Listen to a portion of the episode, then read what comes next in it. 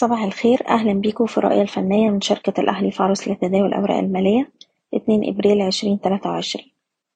في جلسة الخميس المؤشر قفل على تراجع طفيف عند مستوى ستاشر ألف ربعمية وتمنتاشر لكن الإغلاق الأسبوعي جاء في المنطقة الخضراء وبالقرب من أعلى مستوى في الأسبوع.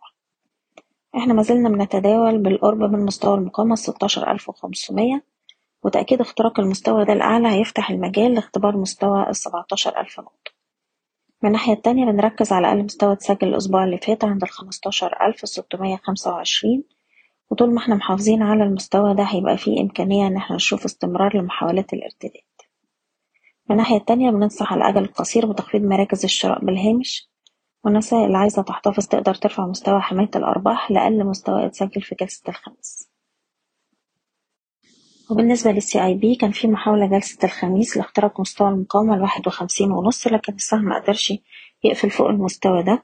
هنركز على مستوى الواحد وخمسين ونص لو قدرنا نتجاوز المستوى ده الأعلى يبقى في مجال إن إحنا نشوف ارتداد لحد مستويات التلاتة وخمسين والأربعة وخمسين جنيه.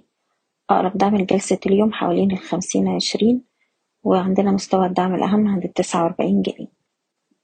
بشكركم بتمنى لكم التوفيق. إيضاح الشركة غير مسؤولة عن أي قرارات استثمارية يتم اتخاذها بناء على هذا التسجيل.